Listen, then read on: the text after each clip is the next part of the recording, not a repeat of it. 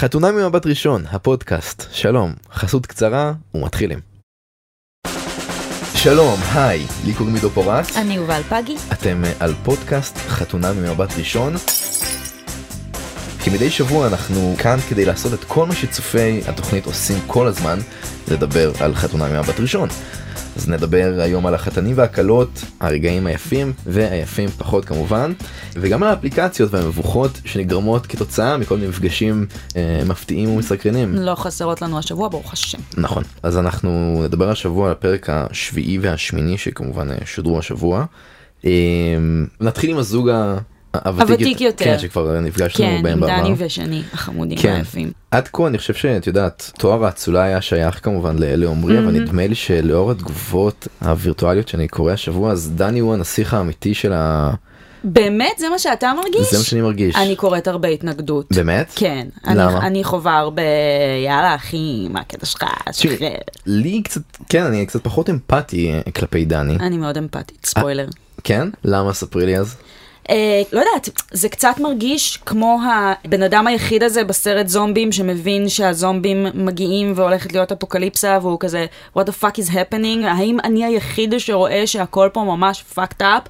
אבל למה חווה- הכל כזה fucked up זה כי- בדיוק העניין. כי הוא חווה את הסיטואציה במלוא תפארתה המשונה וההזויה, הוא לא מסוגל להעביר אותה דרך איזה שהם פילטרים של הצ'יל והקול והזה. כן אבל לא שהם- צריך לדעת לזייף את זה ולהיות באמת צ'יל וקול במאת האחוזים אלא קצת אחי אתה בן 38 תשחרר טיפה מה... נורא מהלופ. קל להגיד תשחרר, אבל... כן אה, אבל זה לא רק ביום הראשון זה לאורך כל ירח ב- הדבש. הוא אכן ב loop. תשחרר קצת טיפה אני חושבת שהוא בדרך החוצה, בעזרתה האדיבה מאוד של שני. שהיא באמת עושה פה פרסומת לשלוות נפש.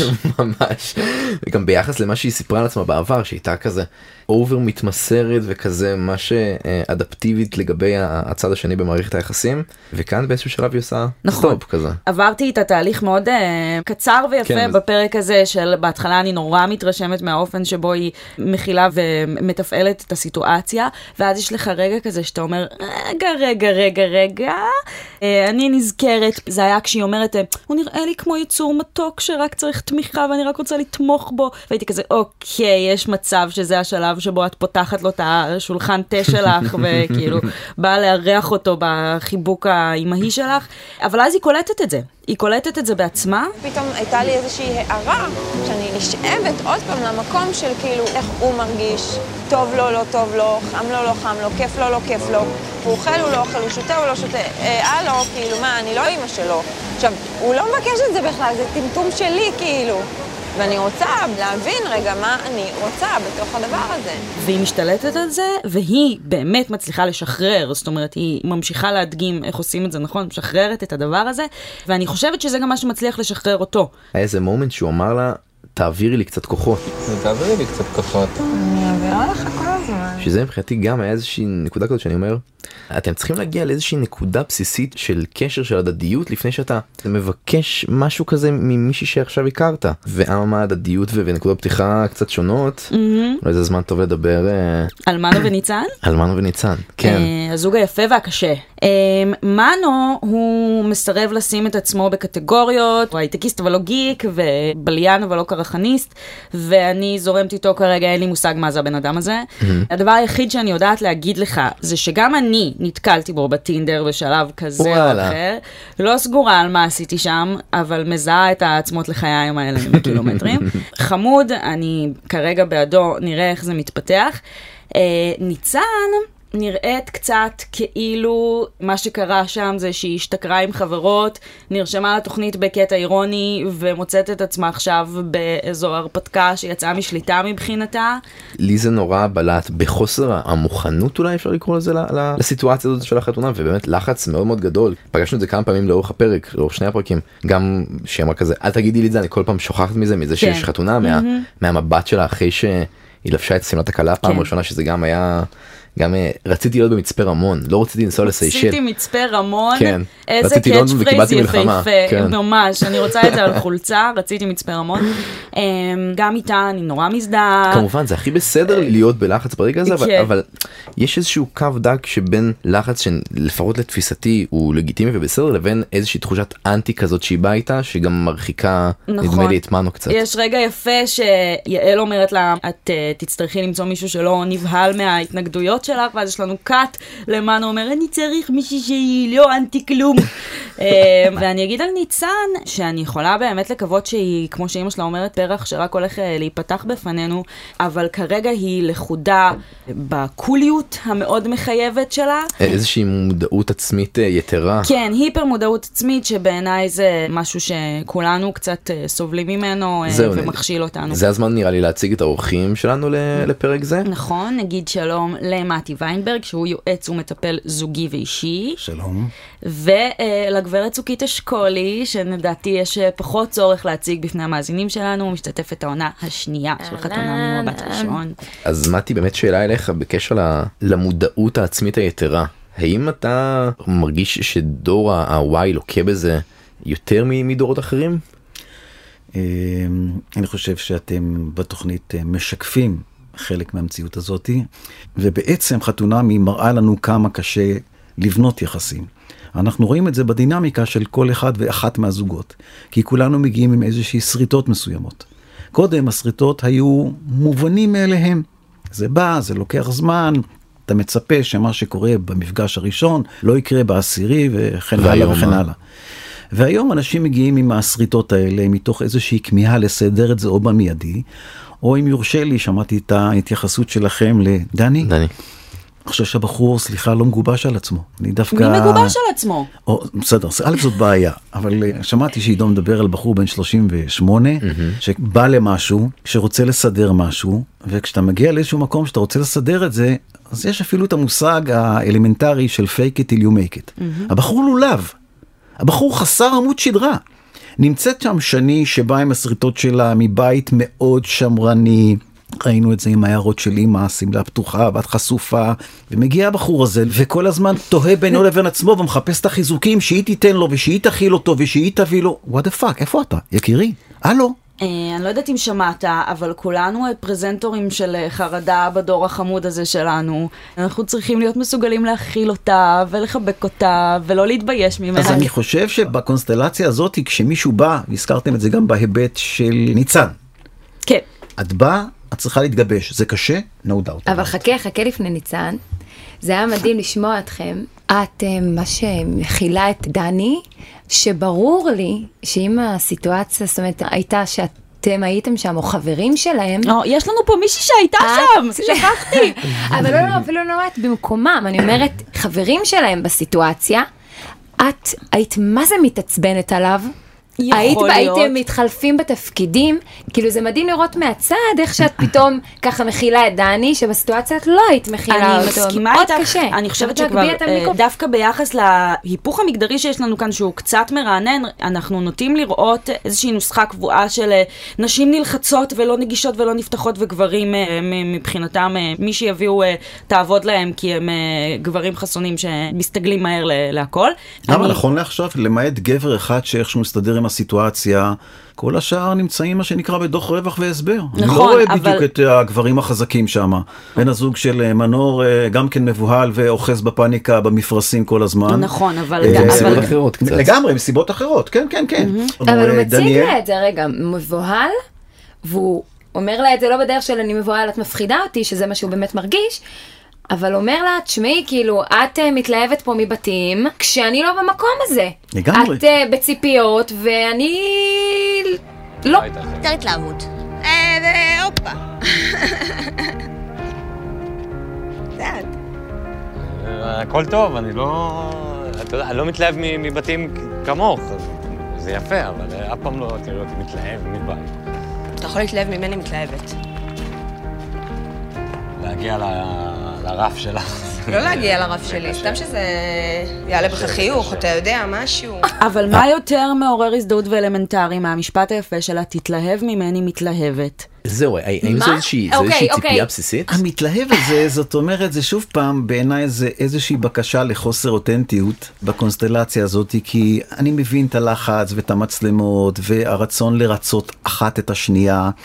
ואחד הדברים שאני תמיד נוגע בו זה אותו שורש שנכתב אותו דבר, זה לרצות או לרצות. וזה ניואנס כל כך מהותי בחיים השוטפים בין לרצות ולרצות, ואנשים מאבדים את זה ונמצאים בקונטקסט של לרצות וחושבים שזה יחזיק להם מעמד.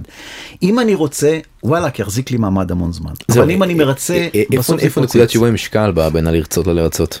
מהצד, שוב, ביחס לפרקים ששודרו עד כאן, כשאני מסתכל על קארין ואיתמר, נדמה לי שיש שם משהו די הולם מבחינת שניהם שהם רוצים. הם באו מאותה נקודת פתיחה מבחינת הרצון שלהם לקשר הזה. לכאורה כל מי שחתם להפקה בא מנקודת נכון. פתיחה הזאת. השאלה מה הוא עושה עם זה. אבל הנה ראינו את אה, מנו וניצן שכמו שדיברנו על זה קודם היא באה כביכול אולי קצת יותר סגורה קצת יותר חוששת. היא באה יותר נבוכה, אם יורשה לי. היא באה יותר צינית כלפי הדבר. מפוחדת, היא השתמשה במילה הרפתקה, נכון. נכון? יקירתי, לא באת להרפתקה. כן, לא אנחנו באת לא ללונה בתוכנית פארק. אקסטרים אה, רצים אבל למיליון. זה- זאת הדרך שלה, להקליל את זה. נכון. כי היא גם ככה בפאניקה. ומאוד חשוב לה להקליל. מאוד חשוב לה להיות cool. cool הוא לא, מאוד הערך חשוב העליון לה שלה. שהוא יהיה cool. לא, היא חשוב לה צריכה מישהו לא סאחי, היא היא ב- ביקשה מישהו לא סאחי. נכון, נכון. למה? כי היא כל כך אנטי סאחית, היא כזאת cool, היא לא מצליחה לשחרר פאסון. אני מאוד מאוד יכולה להבין את זה. אני חושבת שזה בדיוק... למה? למה? היא בלי פאסון, איזה פאסון יש לה? היא מציגה את זה שהיא לחוצה לגמרי. זאת לא איזושהי אה, מעטפת הגנה כזאת שהיא- שהיא אותה על עצמה? כן, כן, כן. לא, שהיא לא, שהיא משחקת אותה. מילה, הרפתקה היא מגננה שאני יכולה לצאת מזה. באתי להרפתקה. נהניתי והלכתי. נכון, אני מסכימה עם מתי מהבחינה הזאת. יש לנו סקאלה שבקצה אחד שלה יש מנור ובקצה השני שלה יש ניצן. מנור באה להתחתן, היא באה להתאהב, היא באה להיות כלה ביום חתונתה. ניצן באה קצת בקטע אירוני, שהשתבש לה בדרך. ואני חושבת שזה בדיוק שתי הדוגמאות שלנו ל- לגישות ההתחלתיות לחוויה שנקראת חתונה. אני לא. מסכימה. אני חושבת שניצן באה לזוגיות כמו שהרבה מאוד אנשים באים לזוגיות, עם מלא מלא מלא פחדים. מנור מגיעה לשם לעוף על עצמה. עם מלא מלא לעשות, פחדים. כן. עם מלא מלא עם פחדים. המון פחדים, עם המון אוקיי, פצעים. אבל משהו שעובד עלינו בהקשר של, כן, אני באה מוכנה לאהוב, לא, היא באה מוכנה להיות כלה ביום חתונתה. ללא חתן מולה, בלי התחשבות בזה שרגע, יש מישהו שאולי הוא מרגיש אחרת לגמרי והוא לא צריך להיות כמו שהיא רוצה שהוא יהיה. בדיוק לזה התכוונתי כשבאתי להגיד עכשיו שהיא רוצה שהוא יתלהב מזה שהיא מתלהבת. רגע, זו ציפייה מאוד גבוהה לסיטואציה הזאת. צוקית, אני חייבת פה את הזווית האישית שלך, נראה לי שהיא אני מתבקשת מז- מאוד. אני מזדהה, יש איזה משהו בטירוף הזה. אתה רוצה שמישהו ייקח אה, חלק בזה וירגיש כמוך, אבל יש בן אדם ממול. רגע צריך לתת לדברים לקרות ולא להשתלט על הסיטואציה ולא לבוא עם ציפיות מהצד השני. כשנכנסת אה, לתוכנית. למה ציפית מבן הזוג ש- שתפגשי? קיוויתי שהוא יהיה בן אדם פתוח, שידבר על הדברים ולא יסתיר. קיוויתי שהוא בא לזה ממקום אה, אמיתי של לתת הזדמנות אמיתית. זו הייתה הציפייה שלי. שאגב, אני חושבת שקיבלתי אותה. אנחנו רואים כרגע סוג של סדנה שאנשים נכנסים, באים עם הפחדים, החששות, הציפיות, לא בהכרח מקבלים את מה שהם רוצים, הגיוני סביר, ועכשיו השאלה עד כמה אנחנו מסוגלים to match it.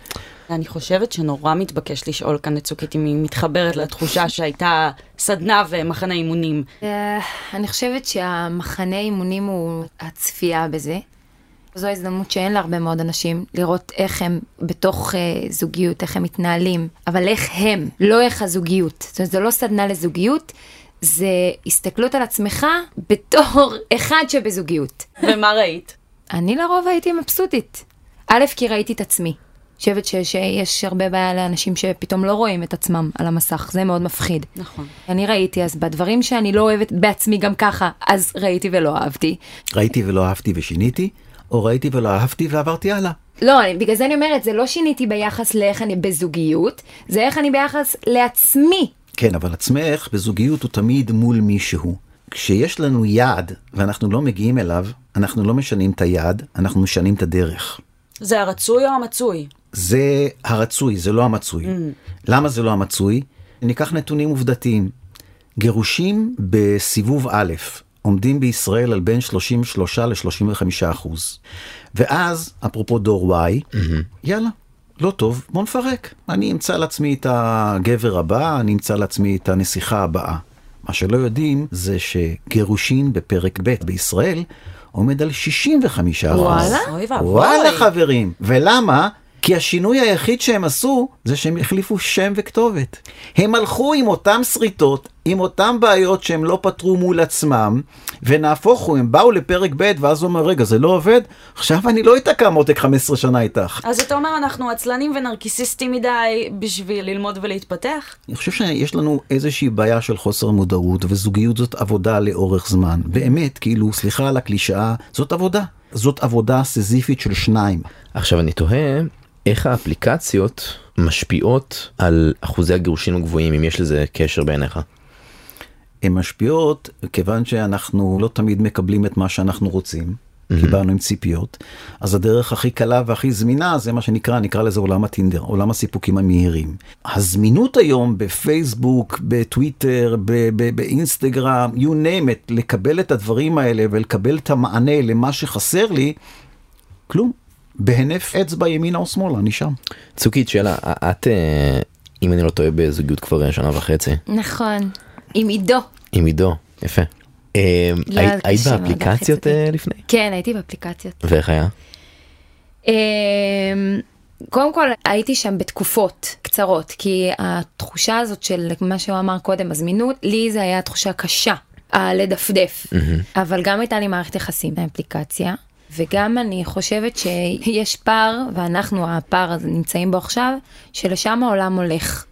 אז אנחנו צריך לפצח את העניין הזה, כי לשם הוא הולך. אנחנו יכולים להגיד מה שרוצה, אבל הילדים שלי כנראה יכירו באפליקציה. כן. קצת לגבי המבוכה הנורא גדולה של ניצן מעצם זה שיגלו שהיא בטינדר במפגש בחופה. היא הייתה נורא נבוכה נכון. מהאופציה שהוא יכיר בפניה בזה שהיה להם מאץ' בטינדר. נכון. זה נורא מביך אותה להיות בטינדר, ואני חושבת שזה כי זה... כי היא הרי נורא- זו שלא רוצה להיות המסכנה, המובכת. זה אבל נורא למה? אני לא עד לשם הגעתי? בכלל. עד לשם הגעתי כל כך נמוך, ירדתי. אבל למה אנשים מסתכלים על זה כמשהו נורא נמוך? כי אני- לך למה? כי רוצה- הטינדר נולד בעצם כזירה לחפוזים. אני חושבת שדווקא התדמית של טינדר כן משתנה לאורך הזמן, הוא אכן התחיל נכון. ככה, אבל היום יש לך יותר ויותר זוגות. שמכירים אני מכירה והתחתנו, מלא ו-. לגמרי, ולכן אני חושבת שהמבוכה הגדולה עדיין נעוצה בעצם העובדה שזה נורא מביך לרצות.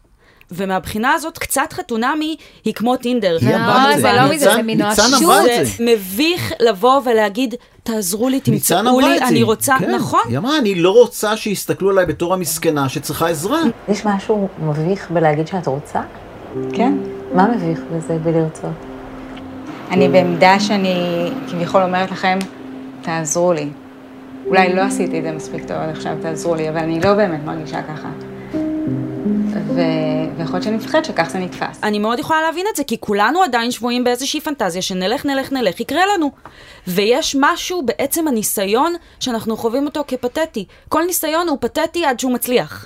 אבל דווקא את פגי בתור מישהי פמיניסטית ב-2021 האם לרצות ולהוביל יש בזה משהו שהוא פתטי שהוא זה מוריד? אפילו לא עניין מגדרי, זה אפילו לא עניין של אני האישה ואני גם בבמבל ואין לי בעיה לה- להתחיל את השיחה ואני אונינג את הדבר כי אין לי ברירה, כי אני לא אשב ואתבייש כל החיים שלי בזה שאני כאילו... אבל למה להתבייש מלכתחילה? כי זה כאילו מציג את המצב שהיא נואשת. זה לא העניין, זה, זה אפילו קשה לי עם ההתכווננות הספציפית לדבר. המחשבה, על לקחת את זה כמשימה, כפרויקט, אה, אה, אני עכשיו, מה שאני עושה זה לחפש זוגיות. לא, לא רק זה, זה גם קשור לרקע. יש לא מעט נשים שלא דופקות חשבון לאף אחד, לא רואות תחת מאיזה, אומרת, אני שם, כי בא לי, כי אני רוצה, כי אני צריכה, כי זאת עוד אופציה, נקודה. ולא כל אחת מרגישה עם זה נוח, זה מבנה האישיות שלה. ולא כל יכול אחד להיות מרגיש עם זה שמישהי- נוח. נכון. כן, יכול להיות שמישהי כמו מנור, שאתה יודע, היא מה שנקרא קילר אפליקיישן, היא לא רואה ממטר, היא באה לשמר. אז היא תהיה שם סבבה. אתה חושב שלמנור יש אה, מודעות עצמית גבוהה? לא עד הסוף. לא עד הסוף. אם היא הייתה עד הסוף, אז היא הייתה מונעת מעצמה חלק מהדברים, ויכול להיות שכשהיא תראה אותם, כמו שצוקית הזכירה קודם, נכון, שאתה רואה את עצמך, ואתה רואה בדיוק מה עשית, מה אמרת, איך נתפסת, אז אתה מייצר לעצמך פילטרים חדשים. כי אנחנו וואו. משתנים כל אולי לא החיים. אכפת לה מהמודעות העצמית? היא לא נותנת לזה כל כך חשיבות כמו קארין? אז אה, זה מחזיר אותי למה שפגי אמרה, זה אותו אדם או מישהי שאומרת, זאת אני, אתה רוצה, תאכל, אתה לא רוצה, אל תאכל. אז בסדר, חפשי מי יאכל אותך, כאילו, זה- בסוף קשר אמיתי צריך להיות כזה שהוא סוג של ווין ווין. זה מה שהיא אומרת אבל? זה זה באמת מה שהיא אומרת? זאת הייתה נקודת הפתיחה שלה, אני חושבת שהיא, ואז היא, היא, חטפה חושבת מספיק שזה מכות בכנף שלה. כדי להנמיך. אוקיי, אבל האם לא באנו קצת להילחם בדיפולטים כן, שלנו? אבל רגע, חכי, תני לה צ'אנס רגע, רק התחלנו. קיבלתי, אני אתן לה צ'אנס. אמ, בואו נדבר רגע ברצינות באמת על אה, מנור ובן, שלא לומר שזה- נ- נעשה דקת אה, דומייה. כן, כי יש מצב שזה מעט too late. לא, אני לא חושבת שזה too late, אני חושבת שהגענו לאיזה עומק של הבור. הפרק האחרון אה, נגמר באקורד מאוד מאוד אה, מאוד עצוב. הייתי צריכה רגע שהוא ייקח את המשכות, ישים את היד, ירגיע. הוא אפילו לא חיבק אותי לרגע, הוא לא, לא ראה חמלה. וזה שובר, זה, זה, זה, זה מטשטש. אני לא מרים ידיים ורוצה לתת הזדמנות. מצד שני, רואה איך אני יוצא מזה ואיך אני הופך את זה לאהבה. אפשר רק לקוות בשלב הזה שבן יצליח אה, להתרגל, שאולי זאת לא מאוד מילה גסה בהקשר הנוכחי. מה זה להתרגל? האם יהיה איזשהו שינוי ואליו הוא יתרגל או הוא יתרגל למצב הנוכחי? כי לא בטוח שהוא רוצה להיות שם. עצם זה שאתם ככה. אומרים להתרגל, זו בעיה. כשאתה בזוגיות אתה לא צריך להתרגל לבן זוג, אתה רוצה לאהוב אותו. נכון. אני רוצה להתרגל למשהו שאני מקבל אותו, הוא חלק מההרגל שלי, כי רציתי אותו, כי אימצתי אותו, כי בחרתי בו. אבל להתרגל עכשיו לקחת מישהי על הגב שלי, כמו ששני צריכה לקחת את אה, דני, דני. ניפגש בפרק הבא.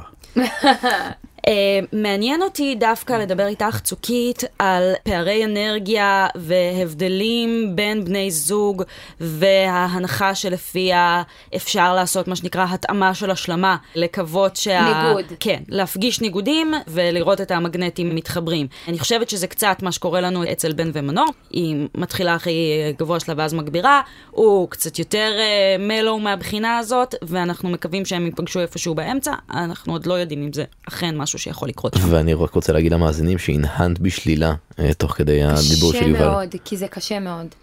אני חושבת ש... שזה פשוט קשה. רמות אנרגיה כל כך שונות, יכול להיות שהיא תוריד. זה הגיוני, זה היא בסדר. כבר הורידה, לדעתי. כן, לדעתי לא. אוקיי. לדעתי קצת מחביאה את זה, היא קצת נבלת, אבל היא לא הורידה את זה באמת. אבל שהיא תרגיש בנוח, כשהיא תהיה בסיטואציה שהיא באמת מרגישה בביטחון ובנוח, היא כן תוריד. לדעתי ברמה כזאת זה מאוד קשה לעשות התאמה. אנשים שיש להם רמות אנרגיות גבוהות, הבעיה שלהם בדרך כלל לא עם האנשים שיש להם אנרגיות נמוכות, אלא לאנשים שיש להם אנרגיות נמוכות, להכיל ולקבל אנרגיות אה, גבוהות. הסיטואציה הזאת מאוד קשה, לי מאוד קשה לראות אותם בשלב הזה. שאלו אותי כמה פעמים אני מזדהה, או שאנחנו דומים בסיטואציה. בקיצור, אני קצת מזדהה. נראה לי שאפשר רגע. לקרוא את זה בין השורות. אני מזדהה ברמה האנרגטית, שבן אדם נמצא במקום אחד, הבן אדם נמצא איפה, איפה החיבור. מתי אבל את הרגשת תוך כדי העונה שאין לכם חיבור? או אחרי?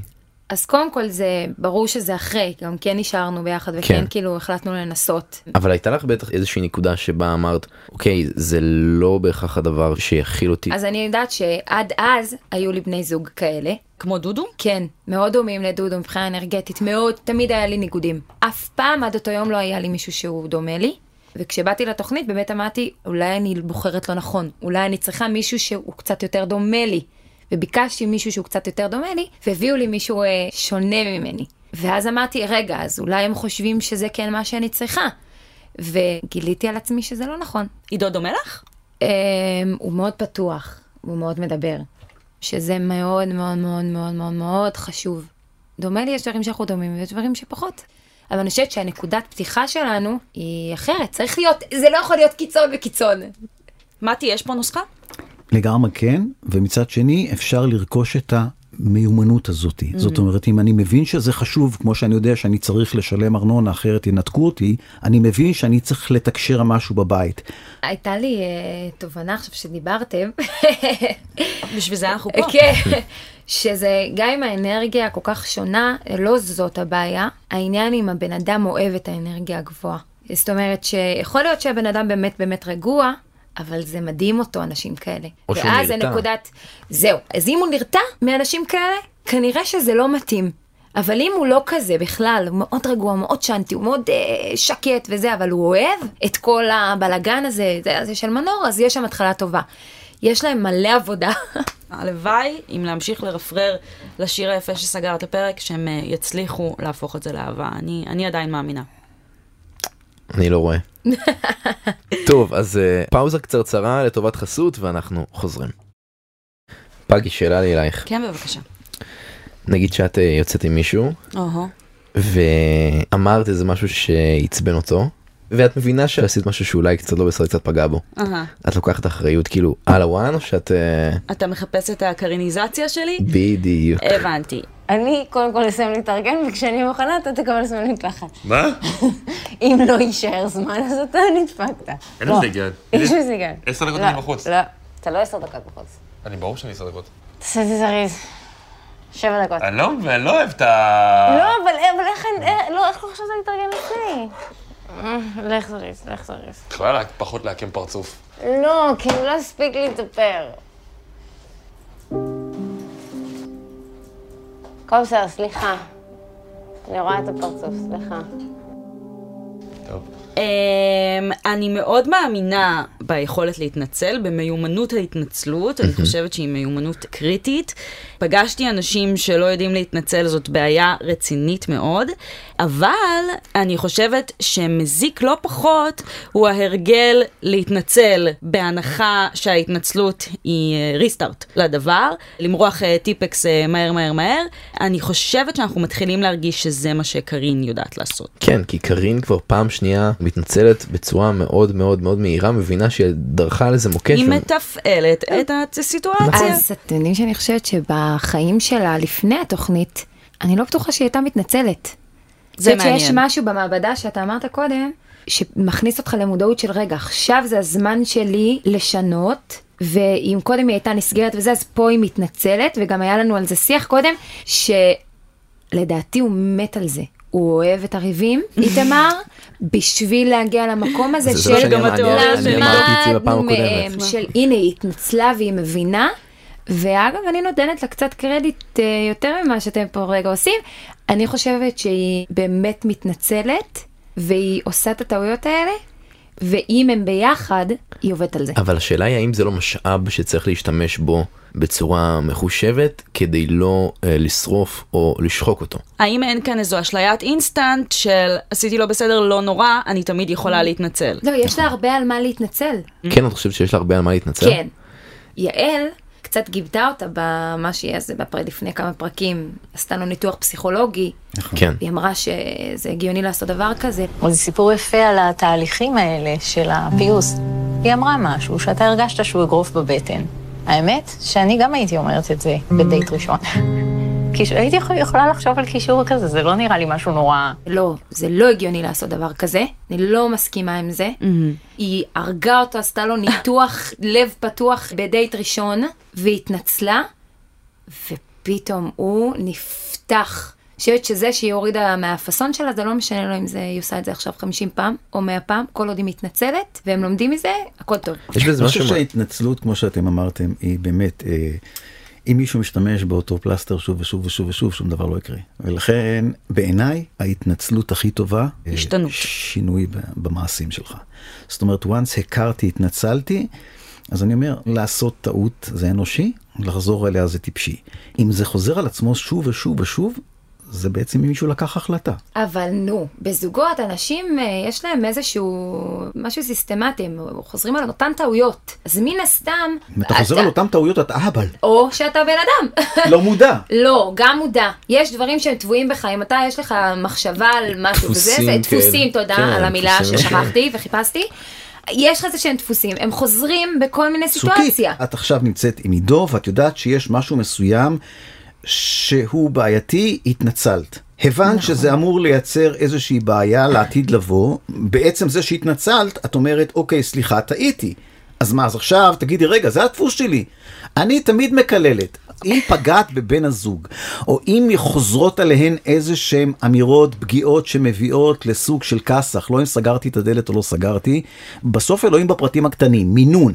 לא תשנה אדם ב-180 מעלות, אבל אם מישהו יודע לפגוע בי כל הזמן, מתנצל וחוזר, מתנצל וחוזר, זה תסמונת הגבר המוכה. אבל היא התנצלה פעמיים, רגע, כי יש לה דברים חדשים שקורים לה בדרך. פעם אחת בעיה. התנצלה על זה, פעם אחת התנצלה שהיא היא לכן לא אני רואה... לא חושב שהיא שוחקת עדיין את ההתנצלות. אוקיי, סבבה. לא חושב שהיא שוחקת, חושב שהיא מבינה את הסיטואציה. כן.